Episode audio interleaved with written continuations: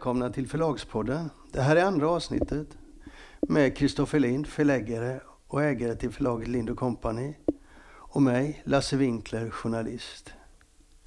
Och vi kan inte ha en sån här podd, Kristoffer, där vi har sagt att vi ska syna det mesta som händer i bokbranschen utan att ta upp det som har varit den mest brännande frågan i vår och faktiskt i vinter. Turerna runt Bokmässan. Måste vi det? Ja, tyvärr måste vi nog det. För ett tag sedan så gjorde de en enkät i P1. Vi fick också mejl om den där enkäten och det var ganska, ganska provocerande.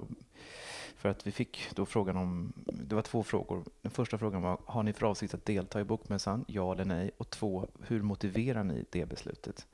Eh, och jag tyckte det var lite provocerande att man skulle behöva motivera varför man ska delta, på, eh, delta i en mässa som man har deltagit i i 20 års tid.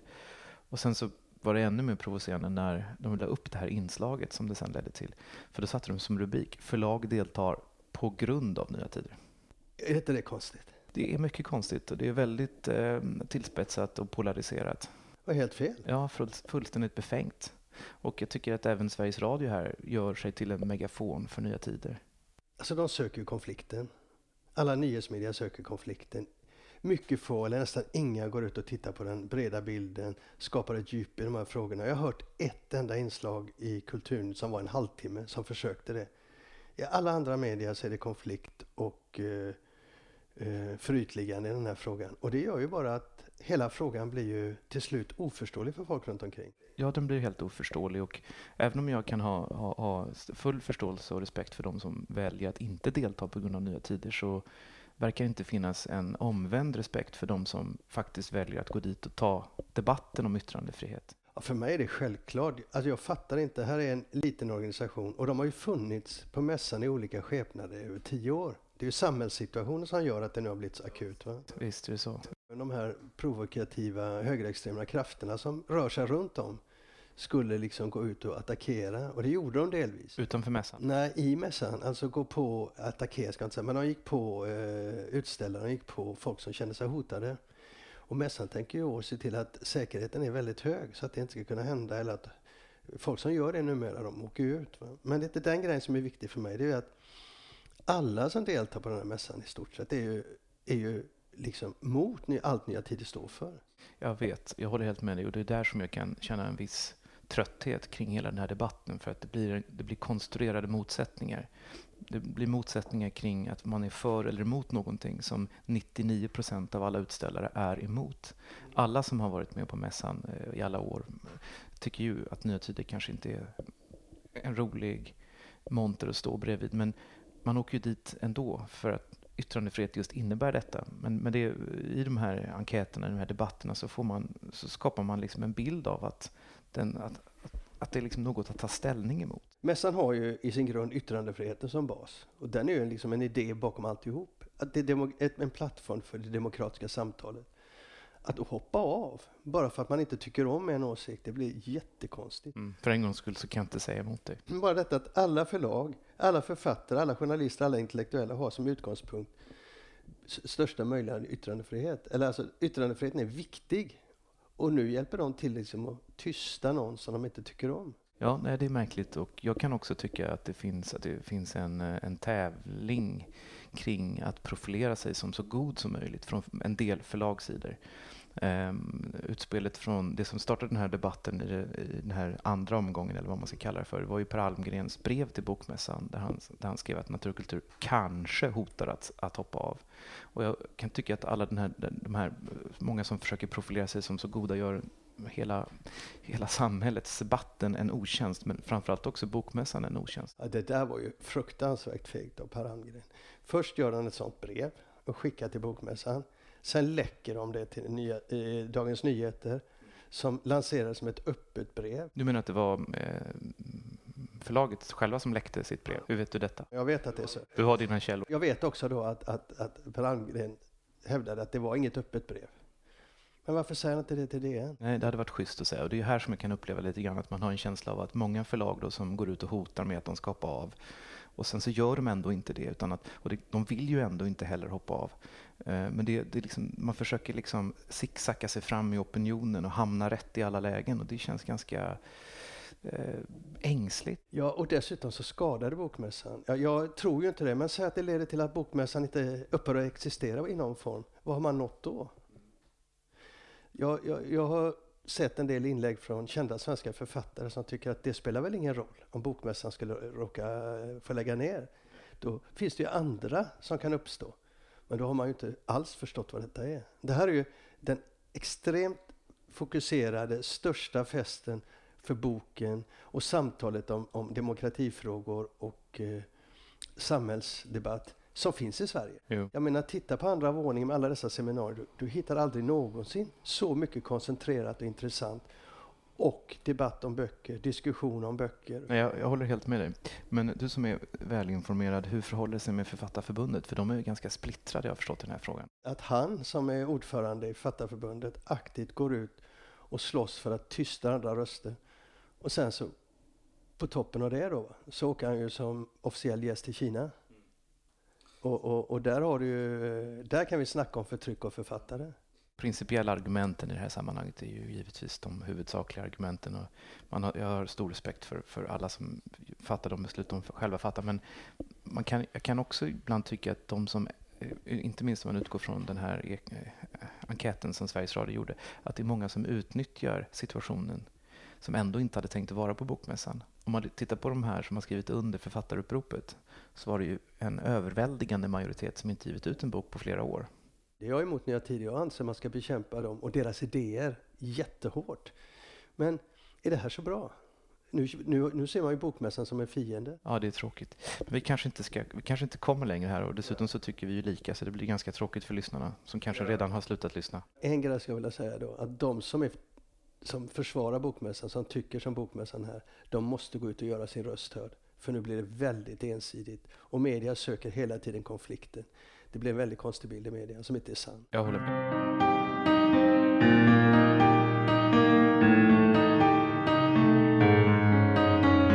Varje, varje podd så tänker vi framöver åtminstone ta upp en bok. En bok fall. Två vill jag gärna ta upp, men en bok. Och så skickade du ett förslag till mig på mail. Och, och på, på en bok som du ville prata om. Och, och då tyckte jag, men vänta lite nu. Ska vi bara ta upp Lind och Company-böcker? De bästa böckerna. Men då reagerar du, då blev du lite irriterad. Nej, jag blev inte irriterad. Men alltså, tanken med den här podden är ju inte att vi ska göra en objektiv podd eller att det ska vara en journalistiskt genomtänkt podd. Utan tanken är ju att vi ska, vi ska visa lite grann på hur vi tänker på förlagen, varför vi köper böcker, hur vi jobbar. Och det blir ju från vår utgångspunkt. Och därför så kommer ju, vi ska prata ganska lite om böcker, men när vi väl talar om böcker så kan det vara intressant att uh, lyfta fram några av de böckerna som jag jobbar med. Och det är också, du sa exempelvis att uh, vi kunde tala om andra världskriget. Och där är det ju så att jag ger ut ganska många böcker om andra världskriget. Så jag tror det var flera år sedan jag läste en bok om andra världskriget som jag själv inte hade givit ut. Eller en bok som jag kanske tittat på för att köpa in men sen inte valt att ge ut. Jag har inga problem med det, för jag är ju den som kan lyfta fram andra böcker och jag tycker vi ska göra det också. Ja, visst, du hade ju en fårbok i förra avsnittet. Men eh, okej okay då, vad är det för bok du vill snacka om? Ja, jag vill prata om en bok som jag hade köpt på bokmässan i Frankfurt i höstas men som jag läst först nu för några dagar sedan. Och eh, jag blev så glad när jag läste den och fascinerad och överraskad och förvånad.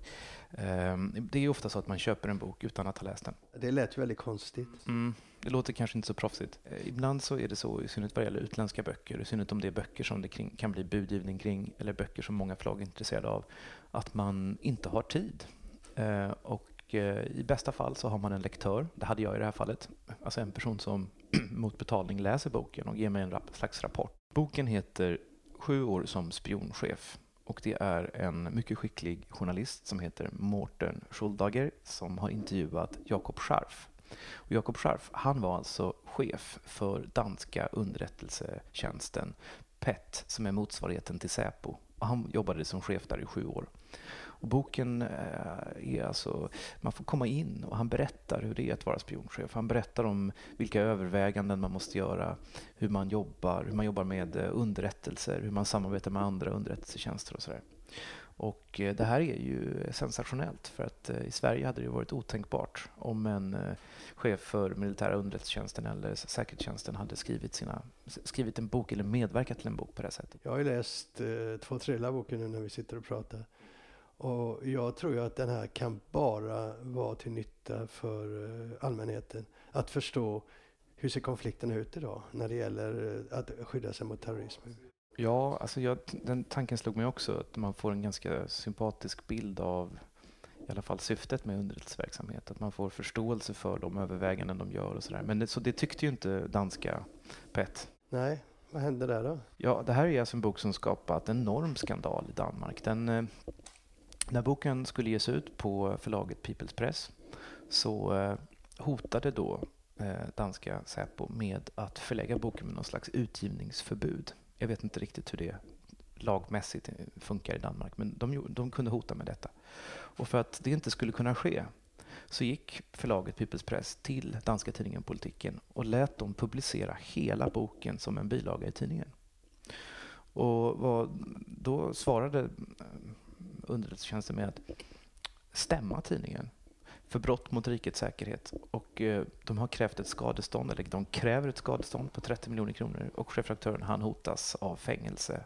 Och det är ju publicering på, på, på, eh, på riktigt. Eh, du hotades aldrig av fängelse som chefredaktör för Svensk Bokhandel. Det intressanta är ju själva de här berättelserna som han har och hur, hur man får ta del av eh, hur de jobbar. Och det finns ett exempel ur boken är när det är några islamister som ska spränga Jyllandsposten som har publicerat de här Mohammed-karikatyrerna. Och då samarbetar de faktiskt med svenska Säpo för att eh, de här människorna har, kommer från, eller det finns förgreningar till någonting som kallas för Brandbergen-nätverket i Stockholm i Sverige.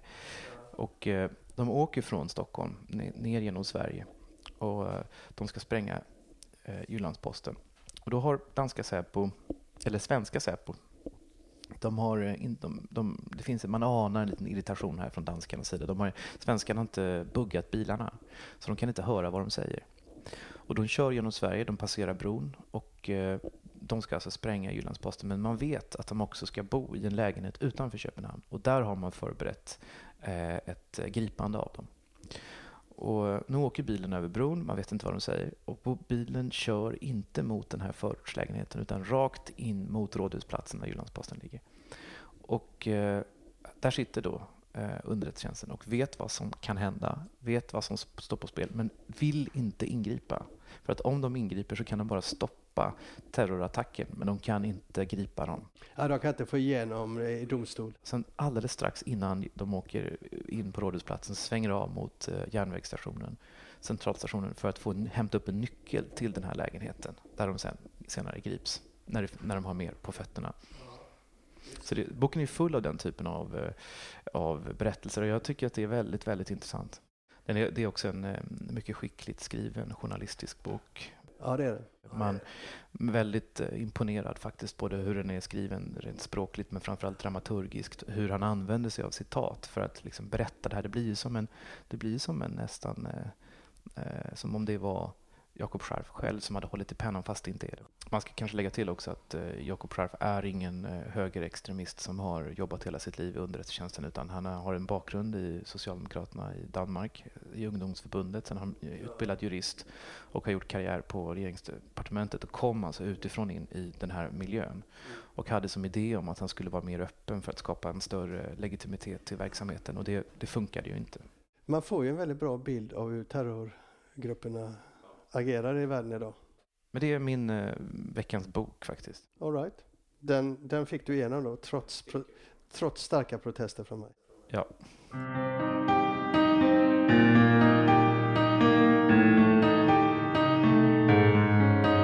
En sak som vi lovade i förra eh, avsnittet, det första avsnittet av Förlagspodden, det var att vi skulle plocka upp det här förslaget från Johan Kleberg, Adlibris VD, att eh, Eh, man skulle sänka priset på böcker. Ganska, ganska radikalt. Ganska radikalt, nästan 30 procent.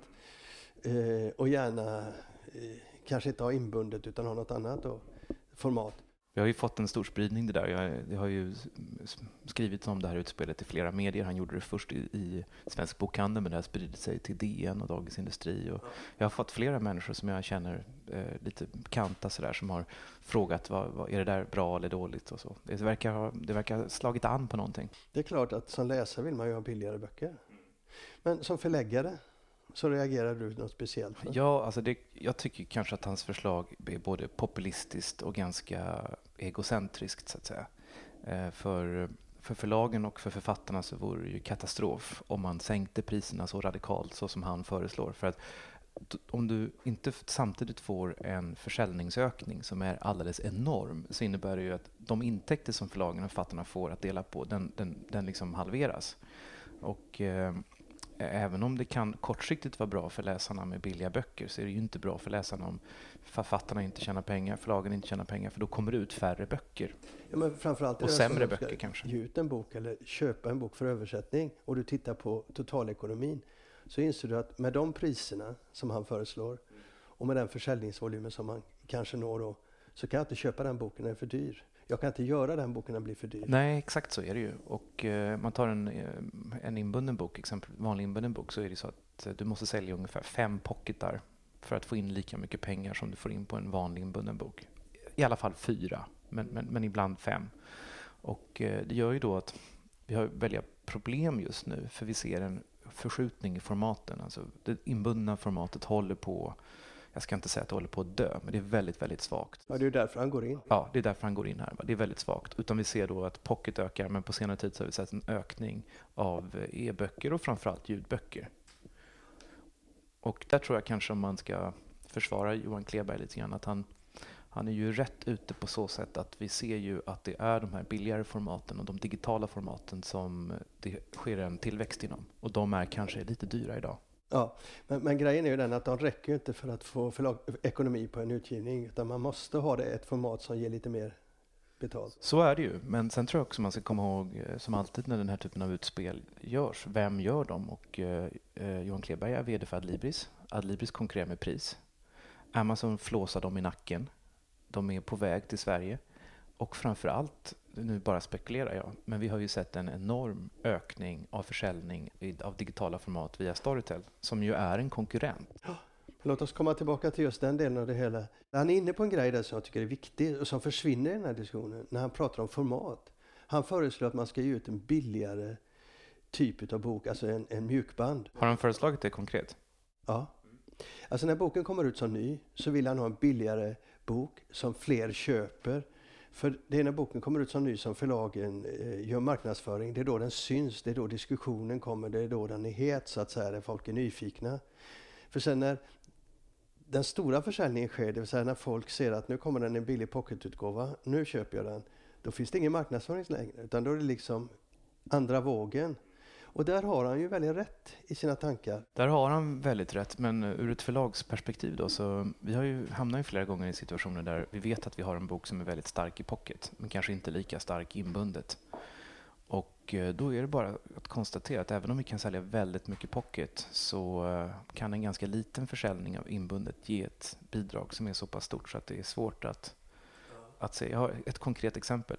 Vi gav ut en en bok som heter I bunkerläkarens våld av en, eh, en kvinna som eh, satt, som, som var Ja, det var den här förfärliga historien med eh, den läkaren som drogade henne och höll henne fånge i sin bunker som han hade byggt nere i Skåne. Hon lyckades ju fly från det där på, på, ett, på ett mycket speciellt sätt. Men det är en sån där bok som är väldigt stor i pocket. Men vi valde att ge ut den inbundet och eh, hon fick ett stort medialt genomslag naturligtvis. Och vi sålde 6000 ex inbundet och det motsvarar då eh, ungefär nästan 30 000 pocket. Och skulle vi hoppat över det där inbundna så skulle vi nästan behöva komma upp, vi behöver komma upp i en enorm summa i pocket för att det ska löna sig. Mm. Så det är väldigt svårt. Alltså vi har försökt så pass många gånger, men det, det är svårt. Sen har vi också svårt med, med de här formaten för att när man ger ut någonting i ett originalformat som är något annat än ett inbundet så tenderar, i det här fallet så skulle det nog inte vara ett problem, men då tenderar recensenter och journalister att betrakta det som återutgivning. Och du får ett liksom sämre genomslag. Jag tror att det har varit mycket bokklubbar och mycket stark bokhandelsförsäljning i Sverige som har burit upp vårt inbundna format. Och det har länge varit en glädje för oss, någonting som har varit väldigt ja, tacksamt. Men jag tror ju att, att Johan Kleber har rätt, ja, man måste ändå se över det där. Ja, det tror jag också. Och jag, framförallt så tror jag att förlagens prissättningar, framförallt på e-böcker och på ljudböcker, digitala, måste sänkas. Med tanke på hur ersättningsmodellerna ser ut. Slår e-boken igenom så kommer du få en helt annan diskussion här. Jag tror ju att vi måste se en, ett genom, alltså e-boken måste slå igenom. Vi får, jag tror att vi kommer se en ökning av de digitala intäkterna och sen så tror jag inte att det kommer få något stort nytt format som ersätter det inbundna utan det kommer fortsätta vara skvalpa runt inbundet. Vi kanske kan sammanfatta med att Johan Kleberg inte var helt fel ute. Jag tycker det är bra att han, är, är, är, att han går ut, att han tar upp de här frågorna. Det är kul. Ja, det är kul.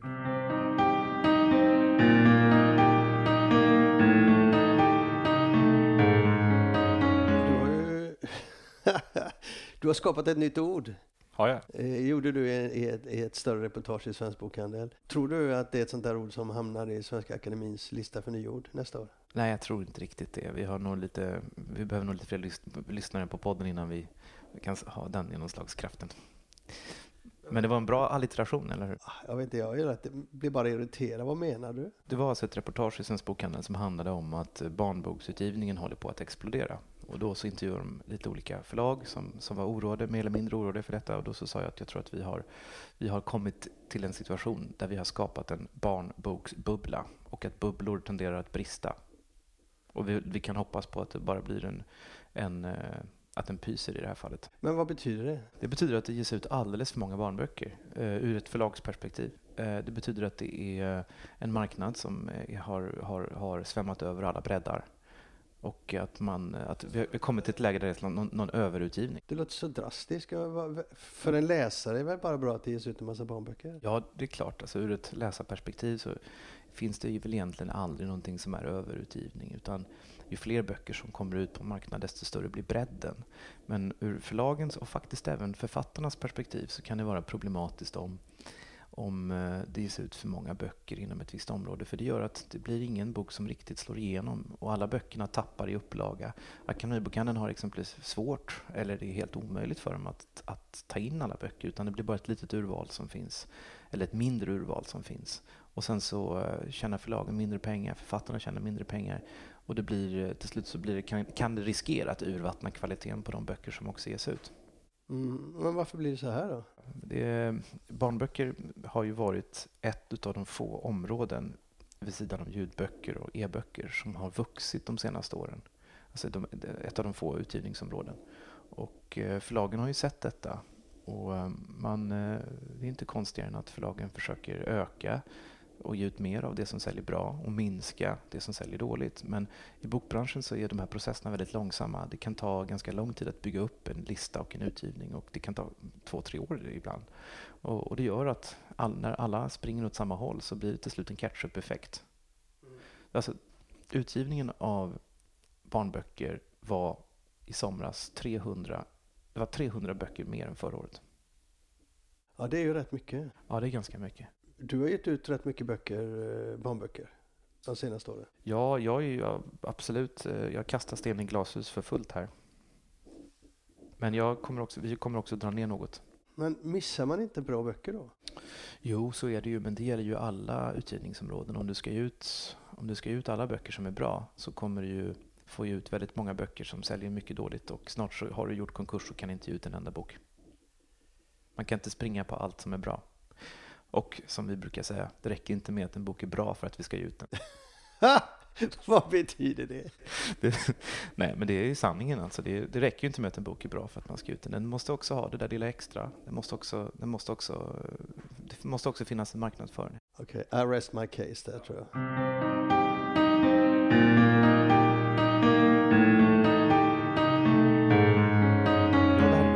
Avsnitt av, av Förlagspodden som kommer till sitt slut. Och eh, min känsla är lite grann att eh, det är rätt mycket två sura gubbar som sitter och vet bäst. Är inte, ska, ska vi kanske passa oss lite grann här Lasse? Nej, jag tror, jag tror faktiskt att det har saknats två sura gubbar som vet bäst. Det är en roll som passar dig bra. Den passar mig utmärkt. Men det handlar, i grunden handlar det om att, att försöka ge ett perspektiv på vad som händer och kunskap om vad som händer i bokbranschen och bokutgivning Nej, det är ju faktiskt vår ambition och där får man väl säga till alla som eh, vi har gått... Eh, eh på tårna? Alla, alla tår som vi har trampat på, alla, alla som vi har gått i clinch mot utan att de har fått komma till tals, får väl säga att vi har ju faktiskt plockat upp deras utspel. Och eh, om det är någon som är arg på oss så får den personen kanske komma och besöka oss i podden. För tanken är ju också att vi ska ha så småningom gäster i podden. Om någon känner sig förfördelad så får de gärna komma till podden och eh, försvara sig. Eller trampa två sura gubbar på tårna. Det är yttrandefrihet i podden. Ja, det är det. Och högt i tak. Du, nu ska vi också snacka lite om nästa avsnitt. Då ska vi prata ljudböcker. Ja. Som ju fullständigt exploderat i Sverige de senaste åren. Ja, vad var det du sa? Du sa någonting om en ljudboksbubbla.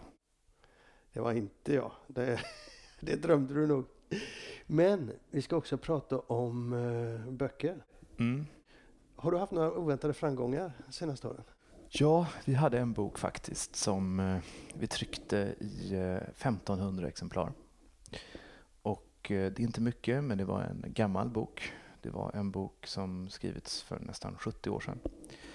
Och det var dessutom en tysk bok och tyska böcker är sällan populära i Sverige. Och sen så kom det lite recensioner så där vi tryckte till. Och sen så fick vi trycka till. Och nu har vi sålt över 90 000 exemplar. Om ni lyssnar på nästa avsnitt av podden så får ni reda på vad det var för bok.